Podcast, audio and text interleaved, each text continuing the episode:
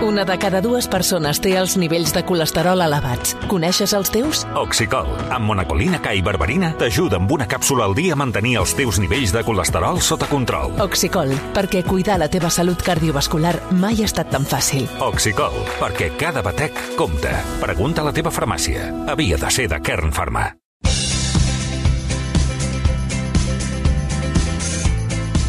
I si una nació desfilant per una catifa vermella, eh, que la catifa vermella no deixa de ser per mi el socialisme, perquè jo la catifa vermella la extiendo a la clase trabajadora y no a los empresarios, como decía el puto viejo de Trías, que a ver también si le cae un meteorito encima, no y insultis, deixa eh? de dir No parides. insultis, eh?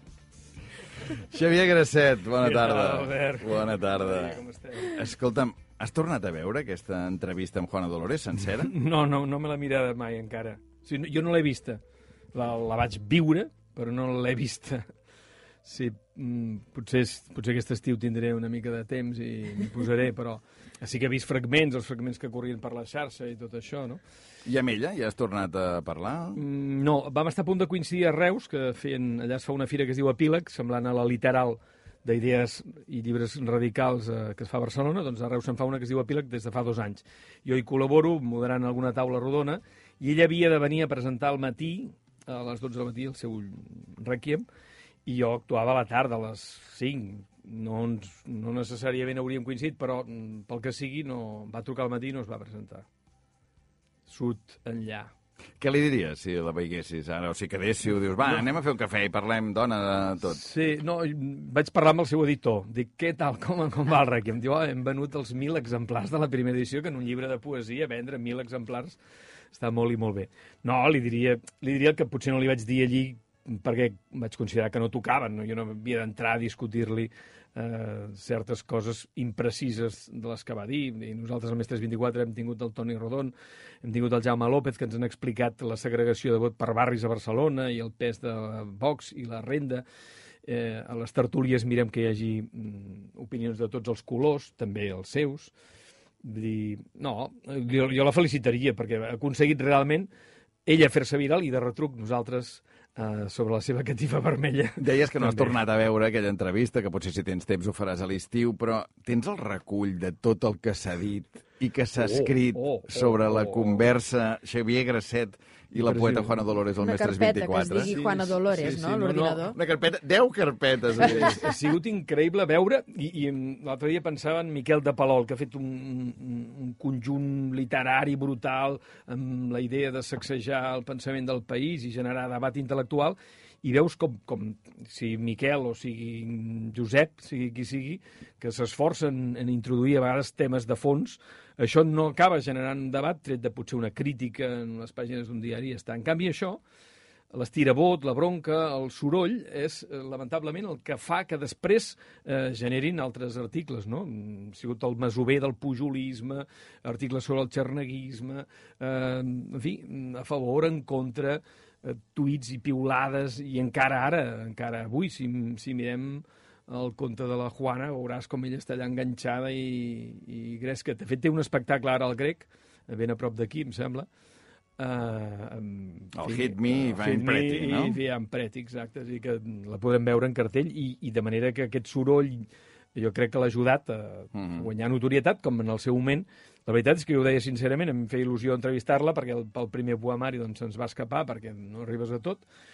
I a mi em feia il·lusió entrevistar-la, imaginava el dia després de les eleccions, eh, abans havíem tingut el- l'Agustí Alcoberro parlant de Francesc Castellví, un historiador del 1714, el gran cronista de la Guerra de Successió del 1714, que se'n va anar a l'exili a Viena, i després eh, quadrava, no? en fi, haguessin, hi haguessin hagut els resultats que, que hi haguessin hagut, després doncs, teníem el Requiem i la poesia i la nació catalana, que se'n Clar, tu aquests últims mesos estàs presentant també aquest llibre que has escrit, La pausa i els dies, que sí. és com un dietari a partir de tots els articles que has escrit en els últims 10 anys. Una eh? selecció, eh? Sí. Que ho- perquè no que Evident, evident, que n'has escrit més, sí, sí.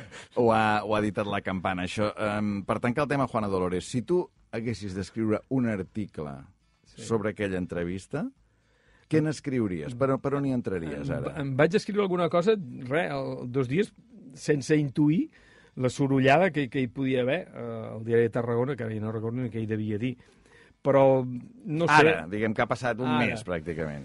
No sé, suposo que tiraria de Follner i del soroll i la fúria, o, no? perquè a mi m'agrada barrejar-ho sempre amb d'altres referències, i no sé, aquesta mena de ràbia, que no saps... E- Ella em va confessar, la part no explicada és que ella se'n va anar del plató, jo no la vaig veure, ni abans ni després, perquè generalment els últims convidats doncs, entren a plató, que jo no estic fent programa, i quan marxen o abans de marxar sí que tens l'oportunitat de saludar-los.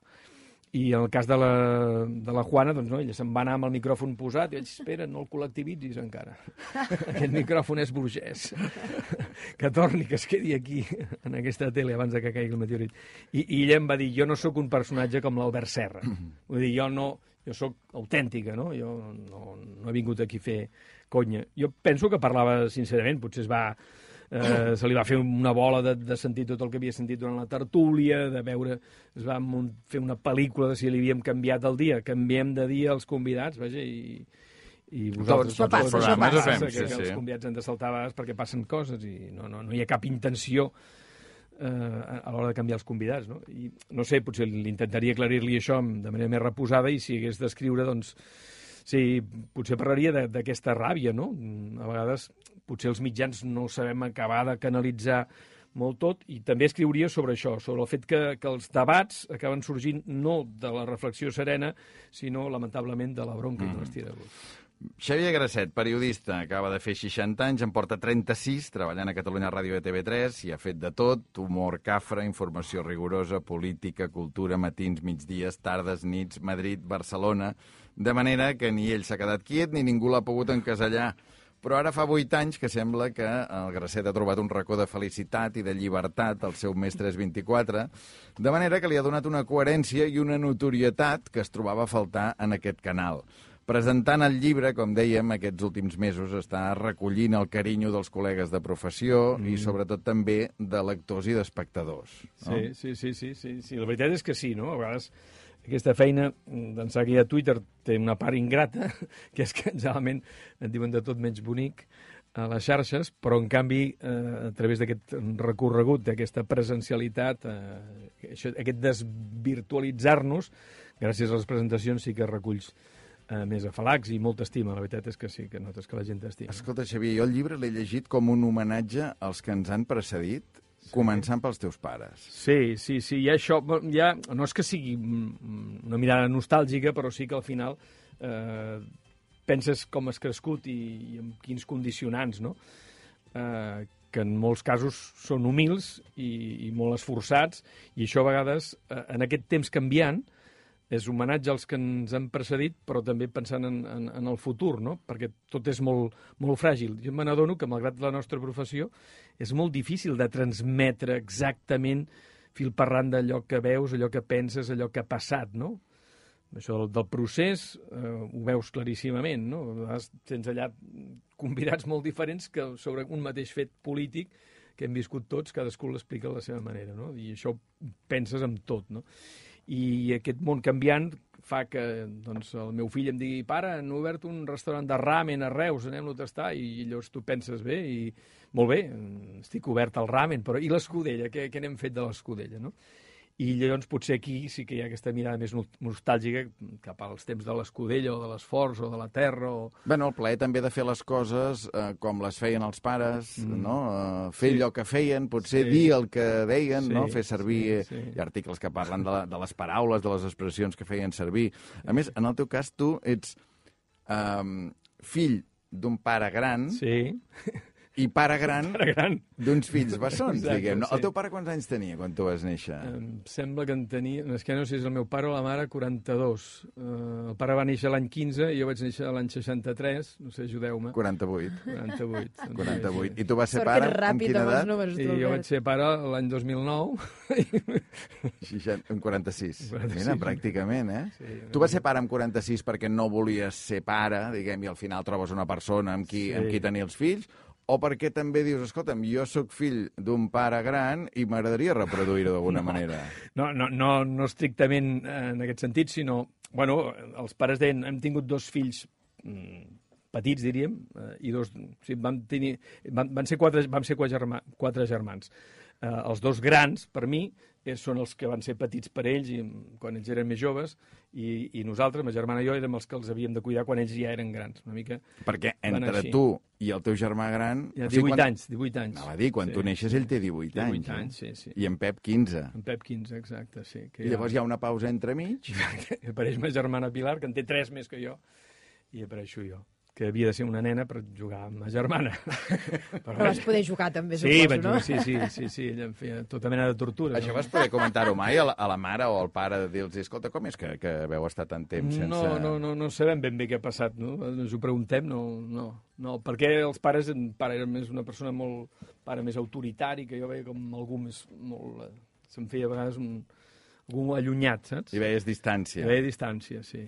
Intento que, que això no hi sigui, però a vegades veig que també genero distància, no? Aquests patrons que a vegades, sense voler, anem, anem Home, no, però jo crec que entre generació i generació Diferent, anem, anem sí. perfeccionant Sí, la manera d'estimar, no? sí, sí, Segurament, sí. o la manera Sí. aquesta de... Sobretot els pares d'aquella generació, sí, no? Que sí, estaven sí. menys acostumats. A què es dedicava el teu pare? Pare eh, era pagès i després va ser empresari turístic, va ser corredor de finques, que, es- que es deia, que és una expressió bonica. Empresari turístic què vol dir? Que llogava apartaments? O... Sí, que tu eres propietari i ell s'encarregava de que jo era el guiri i ell doncs, feia de- d'intermediari, diríem, feia uh -huh. la baula necessària perquè eh, tu poguessis tenir un, explotar el teu pis i que d'altres doncs, s'hi És a dir, allotgessin. per tant, ell viu el boom del Sí, primer és- salou és- dels anys, que 60? És en la gènesi, mm, sí. És en... Jo tenia dos anys que el pare es començava a dedicar amb això. Doncs l'any 60, 60, 61 es va establir els apartamentos La Bahia, que eren d'un senyor de Barcelona, i ells eren... Ell se'n va anar cap a la Pineda perquè en Malapeira se'n va anar cap a Salou, perquè dir, eh... No ens Repartim-nos-ho, ah, no? Exacte, no ens barallem. a Salou va créixer més que a la Pineda i va haver més I feines. tu quins no? records tens d'aquell primer salou turístic que tu t'enganxa ja, diguem, als anys 70, tu neixes al 63, però Clar, i- potser aquella cosa als anys 70 sí que la vius, no? Bueno, sí, i va ser, diguem, la, la meva primera feina, les, les feines d'estiu, eh, jo les vaig passar allà, eh, als apartaments, apartaments Gasset, el, el Mikimoto s'hi allotjava, als apartaments Gilmar 3. L'altre dia, presentant el llibre, em va venir eh, la, la seva germana i em va dir, escolta, nosaltres som els Calzada que veníem als apartaments de la Pineda, dels Gilmar. Oh, mare, tal, sí, sí. I jo treballava per allà, feia de carter, eh, recollia els cubells aquests de, de les escombraries que els, que els brossaires, no és que jo fos el brossaire, els brossaires els llançaven allà al mig de la vorera, jo passava després a la tarda a recollir-los i desar-los amb unes casetes, anava a canviar la roba bruta dels apartaments, eh, era això, le petit facteur, que en francès, eh, recepcionista, i, i una de les vegades, fent de petit facteur, mmm, vaig veure un, un segell preciós de Rodèsia. Dic, ostres, Rodèsia, amb un tigre allà llampant. Dic, ostres, aquí fa... O sigui, aquest- t'hauries pogut quedar, diguem, en el sector turístic, Sí, no? sí, Perquè a més amb el teu sí, do de sí. gens ja m'imagino allà que devia ser, diguem, el, Sí. el rei de... de No, home, el rei tampoc, però vaja, no, un humil treballador. No, d'això el segell, vaig veure el segell, què hi fa aquest segell aquí, mort de gana amb la gana que jo tinc, i dic, va, eh, aquest segell potser algú es pensarà que ha caigut innocentment, que estava mal enganxat, si ve de Rodesi, imagina't, el vaig arrencar, me'l vaig quedar, tu no saps què és veure aquella gent, que clar, no sé en quin idioma devia estar escrita aquella postal, que devien dir aquí t'enviem aquest segell per la teva col·lecció. Jo, no, no, no, no, no, no, aquest segell no hi no ha arribat. Ai, no ha el petit arribat. facteur, el petit facteur. Ostres, Són vas trapa- venir a demanar trapelleries de- explicacions. de I això el Mikimoto, que, que m'ha interessat, això que s'allotgés als apartaments, grasset, eh? No, els, aparta els apartaments es deia l'edifici Gilmar 3. Hi havia el Gilmar 1, Gilmar 2, Va, Gilmar 3. Gilmar 3. El Grasset era l'administrador, i llavors nosaltres Perfecte. teníem el Pineda Beach, el Sol Pins, el Gilmar 3, el Viking, el Gudrun, eh, tots aquests noms Que així de- de- d'apartaments I llavors de tu, costa. quan, quan eh, Mikimoto diu les primeres paraules l'any 83 per Catalunya Ràdio, No, no ho associo, clar. És No ho associes. No ho associo, no, no ho associo. És, és ell després que, que ell m'ho diu, ei, ei, què tal, company? jo venia a estiuejar a la Pineda, veníem de Sabadell. Sí, això, sí, sí. Però no, no, no, no. Era... Johan Cruyff també va venir una vegada, allà, allà baix, amb uns holandesos, i per mi el, el, el senyal del progrés era justament com tancaven les portes dels cotxes de, dels alemanys o holandesos. Però dius, això sí que és un cotxe, no? Que teníem un dos cavalls, un Renault quatre llaunes, bom, aquells cotxets que teníem Eh. eh. a casa. En canvi, pujaves, perquè llavors pujaves al cotxe per dur-los a l'edifici en qüestió on s'allotjaven, no? I tu senties aquella porta, tum, Ostres, dius, caram, això... Això és Europa. Això és Europa. Això és Europa. Una porta que tanqui aquests bé. cotxes en nyigui-nyogui, Exacte. diguem, I no? i no vas clar. lligar mai amb alguna... mm, Bueno, sí, dones, Turista. clar. Home, per això, això, per això, bueno, a veure, mm, lligar, lligar, diríem, jo sempre explico que el meu primer petó amb llengua va ser amb una hamburguesa, amb una noia d'Hamburg. és que fes pràctiques al Burger King. I és... No, hòstia, com raro, no? Un petó amb llengua amb una hamburguesa dins. Sí, jo pensava, dic, ostres, potser no era el lloc més romàntic. No, sí, però vaja. va ser amb un, carrer de, amb un carrer al darrere, amb la Catherine Smith, eh, que era filla d'un... Recordes el nom, eh? Sí, perquè ens vam cartejar, ens vam escriure. I... Amb el segell. Eh, No, no, en aquest cas el respectàvem. No, però ella eh, eh, ens escrivíem en francès, però jo no sabia alemany, i ella cada, cada carta em anava afegint vocabulari. Hi ha un poema que és Meine Gedanken fliegen zu dir, que vol dir el meu pensament vola cap a tu, que és d'un poema de, de, que em va escriure la Catherine Smith amb, aquesta, amb una d'aquestes cartes. Bonic. És que ja tindríem l'entrevista feta. Si, si s'acabés aquí, si s'acabés aquí, Ja que ja està feina. Catherine Smith, Mikimoto, vull dir, és que ja està. El seu pare era tinent de la OTAN que Carai, jo no, no sabia què Catherine. era la OTAN encara, tampoc no Clar, sabia ni clar, què era el encara- Mikimoto ni la OTAN. Encara no havia arribat l'any 86 que, Exacte. que Felipe González digués que d'entrada No. que d'entrada no. D'entrada no.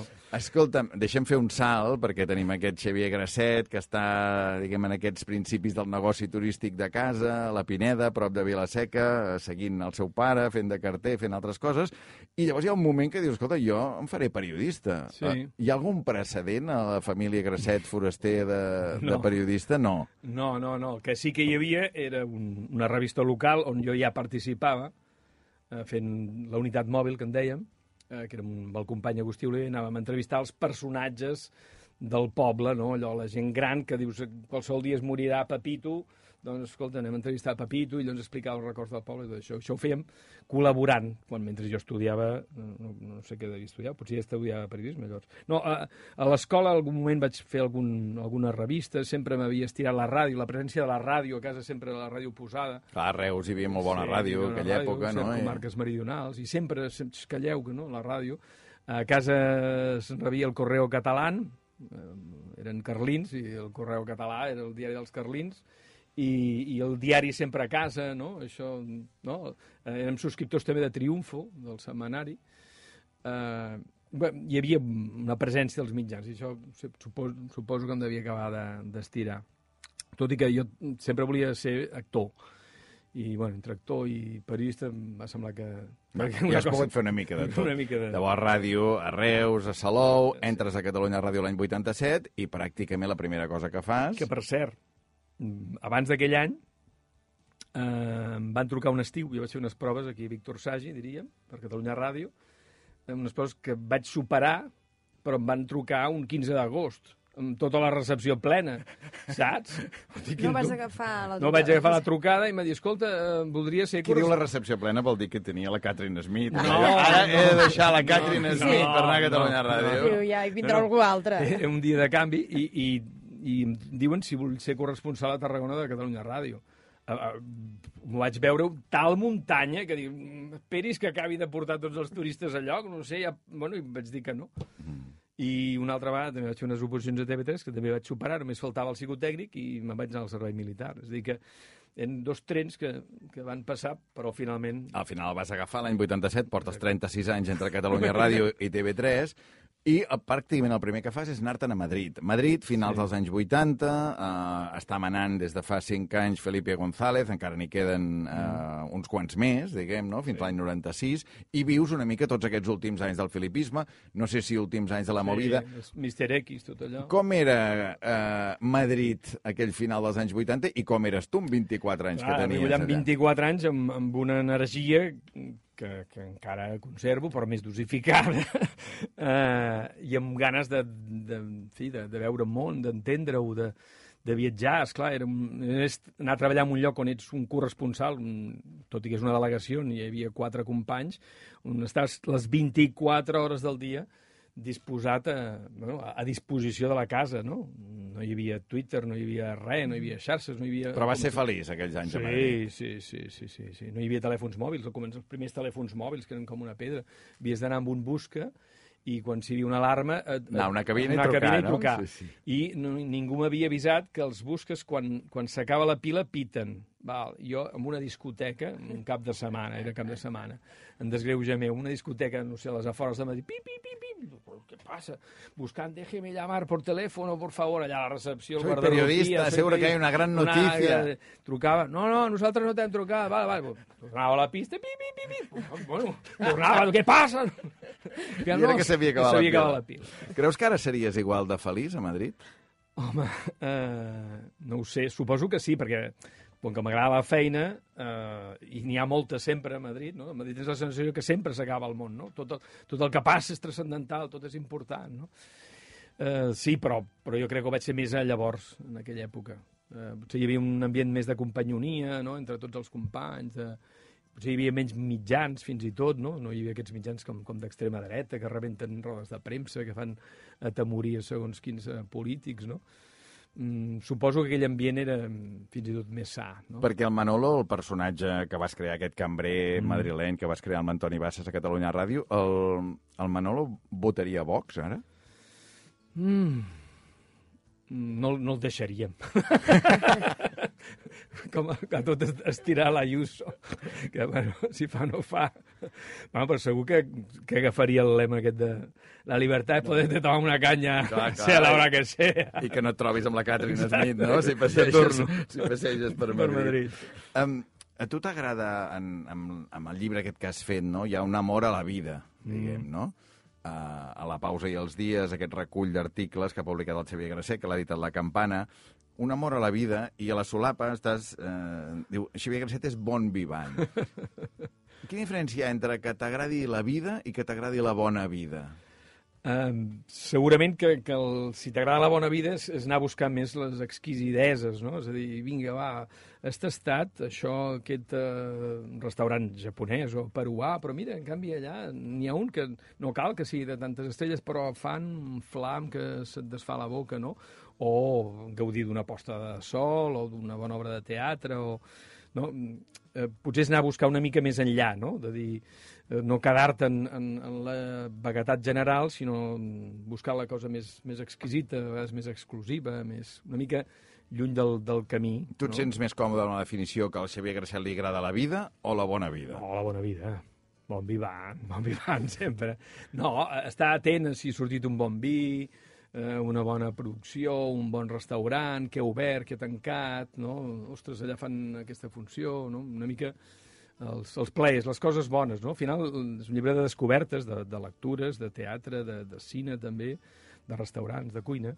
Descobertes, sempre tenint clar d'on venim, això sí. Això sí.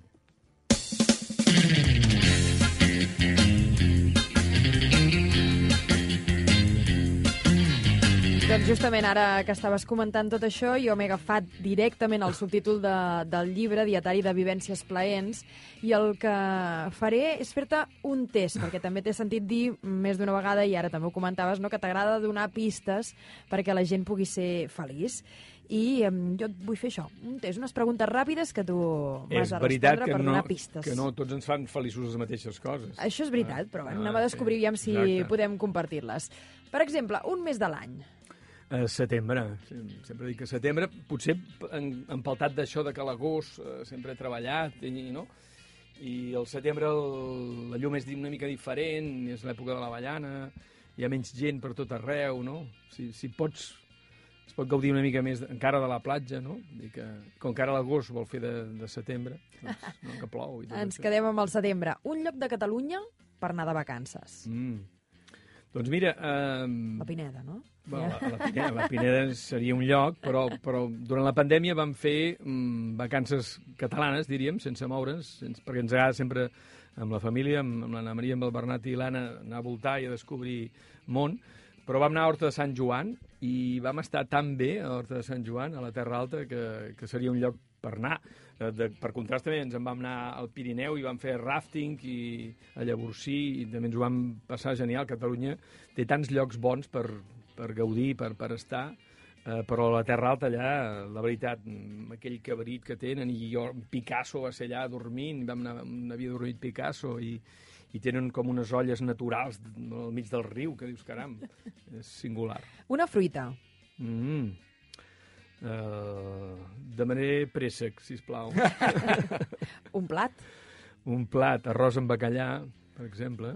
Una frase, una paraula que et faci feliç dir-la. Mm. Abans ens has, dit un, ens has recitat un poema en alemany, no sé, Sí. sí. una frase. Uh, bueno, no sé si és frase, però una paraula que sempre m'agrada rescatar és uh, capsana, que és un drap per treure la pols, saps? I una A vegades parau- va bé fer-la sí, servir. fer, per treure la pols una mica. Una obra de teatre. Ai, mira, doncs de les, de les últimes, eh, tots eren fills meus, de les últimes que he vist. Vaja, l'última que he vist no és tots eren fills meus, que la feien el llibre fa no res, l'última que he vist és la, la serventa amorosa eh, de la Perla 29, a la biblioteca, i Carlo Goldoni, com que l'any passat vam anar a Venècia, vam anar amb tots a veure aquesta serventa amorosa, i és una obra divertidíssima, eh, plena d'enredos i comèdia, vaja. Xavier Grasset, que ens està donant pistes per que la gent sigui feliç. Una beguda. Dona, eh, t'hauria de dir eh, un bon vi, no? Sí, un bon vi del Priorat. Un article del teu llibre. Uh, doncs uh, aquell que parla de l'ou de fusta, si vols. Vols uh, que et digui una mica com fa, l'ou de Ah, el, fusta? te, el tens aquí? Sí, tinc aquí. Carai. Uh, vaig a cara barraca, està escrit el 22 de maig del 2021 i diu així, remenar idees com qui va remenant parells de mitjons al calaix rebotit. Acabar de trobar aquells que millor s'escauen el dia que tens acabat d'estrenar. I passa que en aquest moment de l'any, segons els que t'acabis posant, els peus poden acabar rebullits. El canvi d'armari té un punt crític eh, i en el meu cas són els mitjons. Soc dels que creuen que els constipats comencen pels peus, fora de bases científiques, eh, segurament només guiat a les palpentes per la malaptesa secular. Per idees tronades, arnades, com aquells mitjons que recosia la mare si se'ls feia un préssec. A la capsa de cosir que tenia hi havia aquell ou de fusta que ens devia enlluernar a tots quan no teníem ni Fortnite ni cap altra opció de videojoc. De fet, quan jo era petit, i sóc vacunat recent eh, de la primera dosi de Pfizer, només hi havia un parell de televisors en tot Vilaseca, poble de 900 cases. Per tant, aquells ous de fusta que hi, de, que hi devia haver, a més capses de cosir que no pas televisors, eren un objecte curiós que, a més de servir per sergir millor, acabaven en mans de la canalla quan el volien fer aguantar dret eh, damunt d'una taula. Bravo. Acabem-ho. Una cançó. Doncs teatro, no? No tingues però Teatro, teatro. hosti, no l'he encertat. Quina, Mira quina et tenia punt, mira, mira. Ah! Teatro. Doncs mira, pels, pels pèls he dit 20 anys, perquè a més a més surt a Carolina, la serventa amorosa, hi ha un moment que sona Omar Portuondo amb aquesta cançó. Mira, hauria sigut la... Anava per allí, anava, Anava per aquí, per aquí estàvem, per aquí Anava estàvem. per Podia aquí. ser la Lupe, podia ser la Mare Portuondo, que la vas tenir més a l'estudi de Catalunya Exacte. Ràdio, encara ho recordo, el món s'acaba, era, no?, en aquell moment. I Sí, guaita, sí, sí, sí. 93 anys farà l'octubre. I actua aquí al Grec aquest any. És a dir, que un dia d'aquests també la tenim per Barcelona, no sé si la setmana que ve, un...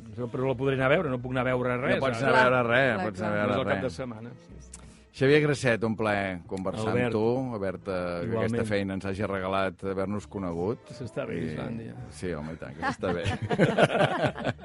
Aprofita. Va, tira, que tu, Va, sí, que tu sí. tens feina. I tinc, que, que tant. aquest vespre tens però, un programa. Però content de, de ser amb vosaltres. Moltes gràcies. Va, de seguida amb el Sergi Pàmies parlarem de televisió també, i... però abans fem una pausa. Va, som-hi.